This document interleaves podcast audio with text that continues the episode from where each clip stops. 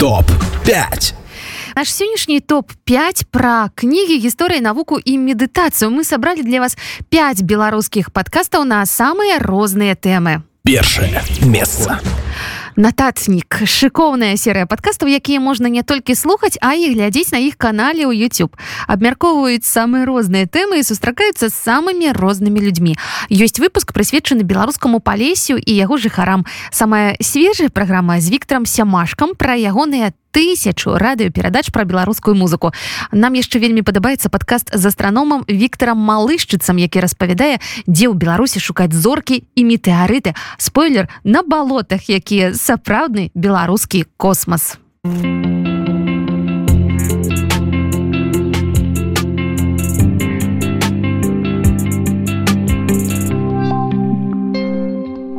усім прывітанне. Гэта новы чарговы падкаст на татнік бай. Сёння будзем размаўляць пра астраномію што гэта за такая навука ці не навука. І калі ты ведаеш што земля круглая Мачыма круглая. І калі ты ведаеш дзе знаходзіцца вялікая медведзіца ці вялікі воз то і навошта яшчэ ведаць астраномію і ў гасцях у нас беларускі астраном. Один такі класны ну можа не адзін. Мы сёння паразмаўляем таксама пра гэта. Віктор малышыц прывітанне. Прывітанне мы вас паклікалі каб размаўляць менавіта пра Беларусь і астраномію і пра што у нас сёння яшчэ можна пабачыць зорак тому что мы ўсе ведаем ваши фотаздымкі сапраўды. Я думаю ці ў фейсбуку ці ў нстаграме вельмі часто трапляюцца і гэта вельмі прыгожа. І хацелася б адразу спытаць адкуль у вас такая любоў да гэтай навукі да астраноміі і ці даўно вы самі пашлі гэтым займацца паколькі я яшчэ працую ў школе вучыў наших дзетак то я заўважу што недзе ў раёне класа 5 і усім цікавасць пра космос пра нейкі там палёты пра зоркі нават і прадмет жа іх праходзіцца не ведаю цяпер называется але прыродазнаўства там сусвет калісьці называўся і вось калі ўзяць любога беларускага школьніка і падтрымаць гэту цікавасць у пятым класе ўсё я на ўсё жыццё захопіць у мяне просто падтрымалі моя мама падтрымала у пятым класе падарыла прыгожую энцыклапедыю цяпер не магу расстацца зоркамі А што за энцыклапедыя Ой, самая банальная там была такая серия я познаю мир самая самая простенькая это хапіла вот я ведаю что ў менску ёсць планетарый так. планетары так так так. І атрымліваецца что гэта можа адзінае месца ў беларусі дзе можна прыехаць нешта паглядзець пра зоркі пра зоркі на зоркі там не то так, так, так, так, так так. пра зоркі так. Не пра зоркі у нас ще ёсць безліч розных фільмаў перадачы увесь інтэрнет тэлебачанне ёсць такія цудоўныя цэлыя серыі ад BBC discovery реально прафесійна знятыя на найвышэйшым узроўні таму глядзець не пераглядзець другое месца Працягваем распавядаць вам пра беларускія падкасты і яшчэ адзін гэта кніжная шафа. Падкаст называецца так, як і нявялічкая кнігарня на мінскай грушаўцы. Там працуюць вядучыя падкаста дзве насты. Яны распавядаюць разнастайныя кніжныя гісторыі, якія нараджаюцца часамі наўпрост у іх кнігарні. У кніжнай шафе дзяўчаты раюць кнігі, адказваюць на пытанні і прапануюць размовы на літаратурныя і каля кніжныя тэмы. Прывітанне з вами зноў падкаст кніжная шафа і мы вярнуліся са свеженькімі гісторыямі і новымі кнігамі пра якія раскажам. А таксама трошки подзелімся з вами тым что мы читаем зараз что мы под подхопліваем адна ў адной натхняемся адна адной каб чытаць. І Мачыма вам гэта таксама цікава что что мы читаем самі. Так будем на гэта разлічваць. Ну у любым выпадку пачынаем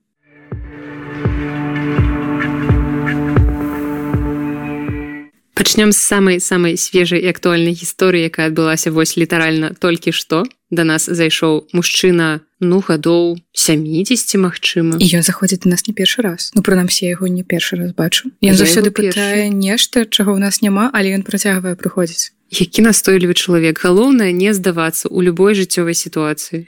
Я просто вспомнила што мінул раз ён пытаў нешта пра медыцыну вось гэтую нетрадыцыйную? да. Но сёння ён недалёка адышоў мне здаецца таму што спачатку ён спытаў ці ёсць у нас што-небудзь по мове жэстаў. Гэта незвычайны запыт. у нас мабыць такога ніколі не запытвалі. А далей все пайшло яшчэ цікавей бо наста як заўсёды нешта пачула не тое. Усе найлепшай гісторыю кніжнай шафе здараюцца здараюцца так калі вы памятаеце тую самую гісторыю пра аграбление або крепленне то гэта нешта такога ж кшталту. Таму што пасля ён спытаў ці ёсць у нас кнігі па псіхалогіі і? І і я пачула гэта нармальна. Ён спытаў кнігі па псіхалогіі і экстрасэнсорікі А я пачула этнасэнсорікі і я думаю что это такое что я не ведаю. Я пачынаю гугліць этнасэнсоріка у мяне ў галаве запускаецца працэс. Гэта шчытванне народаў праз нешта. Ну і я у нас ты запытваю ну что такое? Этнасэнсорыка так. я адказваю что там же была экстрасэнсорыка але вось наста придумвае новыя тэрміны таму Мачыма калі вы займаецеся чым там не ведаю сацыялогіяй псіхалогіі то этнасэнсорыка гэта некае новае слово. Третье месца яшчэ один беларускі падкаст вандра агулам гэта падкаст пра турызм у беларусі але нам больш за ўсё падабаюцца размовы пра спадчыну і людзей якія маюць да яе дачынення можна паслухаць пра старавераў заходняга падзвення трышынскія могілкі ў берасці або традыцыі лекавання шэптам. Тэму выпускаў не банальныя а госці цікавыя і дасведчаныя. Прывітанне ўсім. Гэта рома і вандра падкаст. Падкасту які мы размаўляем пра спадчыну з людзьмі якія так ці інакш з ёй звязаны. У мінулым 22 годзе з'яўляецца навіна пра выхад кнігі Сергея лескі цяшэпт. Разам з кнігай на паверхню абмеркавання беларускай культуры уздымаецца і тэма шэптавай культуры. Хтосьці ўзгадвае свае выпадкі, а хтосьці толькі дазнаецца пра існаванне гэтай з'явы. Кніга гэта своеасаблівы даследніцкі вынік Сергея з амаль 10 гадоў экспедыцый. Таму сёння мы будзем размаўляць не пра кнігу, а менавіта пра культуру шэптаў праз досвед Сергея будуць гісторыі з вандровак разважанні пра лёс шэптавай культуры і як праходзіць працэс лікавання шэптам. Таму сядайце больш зручна і вандруем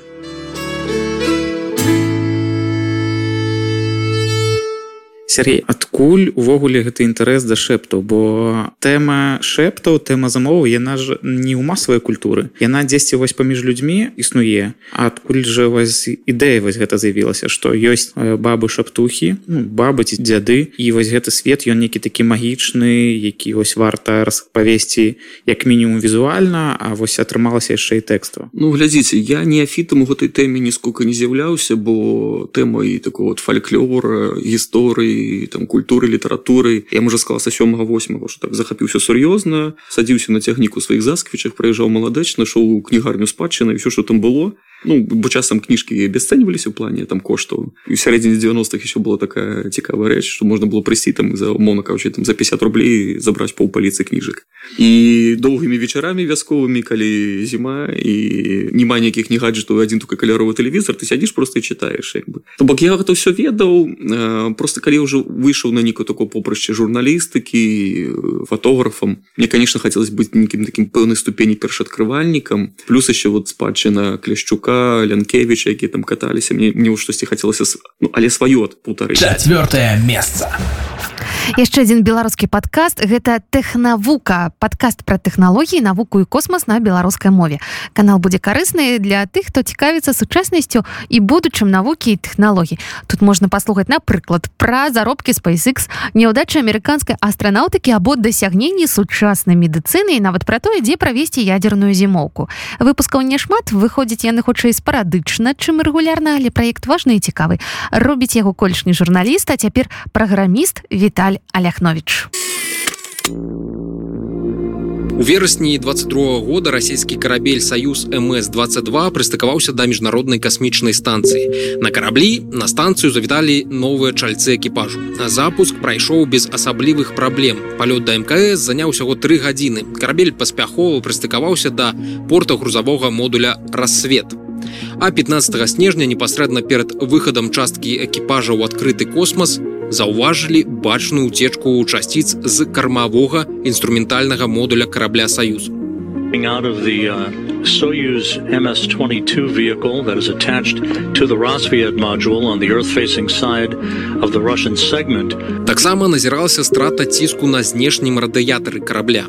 Касмічны шпацыр скасавалі з дапамогай рабатызаванай рукі і камеры на ёй агледзелі карабель і ў вонкавым радыятары на службовым модулю саюза знайшлі прабоіну дыяметрам 0,8 мм з якой у космас збягала астуджальная вадкасць пятое месца і яшчэ один подкаст які называется лягчэй медытацыі по-беларуску гэта подкаст беларускамоўных медытацый цудоўны спосаб вырвацца з замкнёнага кола напружанасці не заліпаючы на трывожных думках што забіраюць нашу энергію і радасць канчатковая мэта таких практык дабіцца поўнага спакою свядомасці цела і ўсё гэта по-беларуску дарэчыснае меркаванне што медытацыя патрэбная абсалютна кожнаму прынамсі калі не дапаможа то не зашкодзіць Ну што ж паслухаем адну з іх Медитацыю лепш выконваць стоячы альбо так каб ваши стопы абапіраліся на паверхню.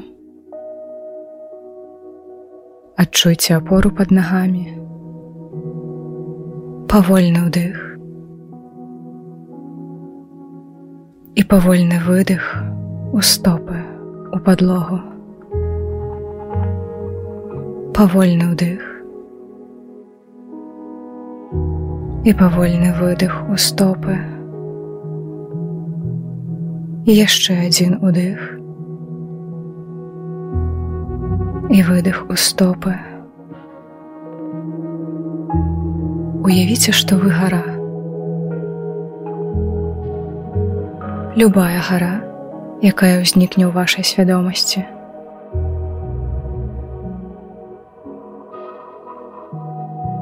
Вакол буяніць ураган, але вы гара.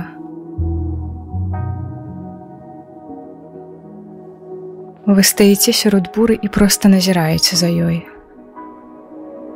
Вы проста расцяце з зямлі з самых нетраў зямлі. Павольны ўдых. Павольны выдых у падлогу, бо вы гара. Вы расцяце. Вы нават не дрэва, вы мінерал. Якога колеру вы мінерал? Ці расце на вашай паверхні што-небудзь? альбо там нічога няма.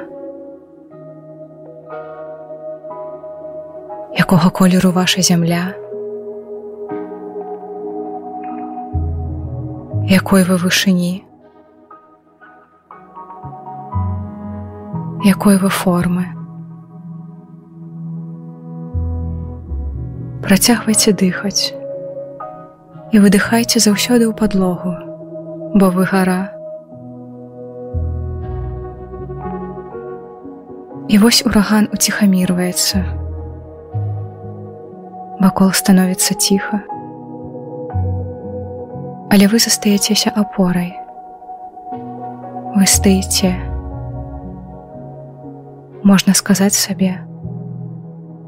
Вакол адбываецца што заўгодна, Але я больш за гэта. Я больш. Я яшчэ больш. Я нават не магу хістацца, бо я гара. Вы кіруеце сваім станам пры дапамозе ўяўлення і дыхання. Павольны ўдых. Павольны выдых. Калі будзеце гатовы, адпусціце вобраз і паназірайце за сваім станам. Топ 5.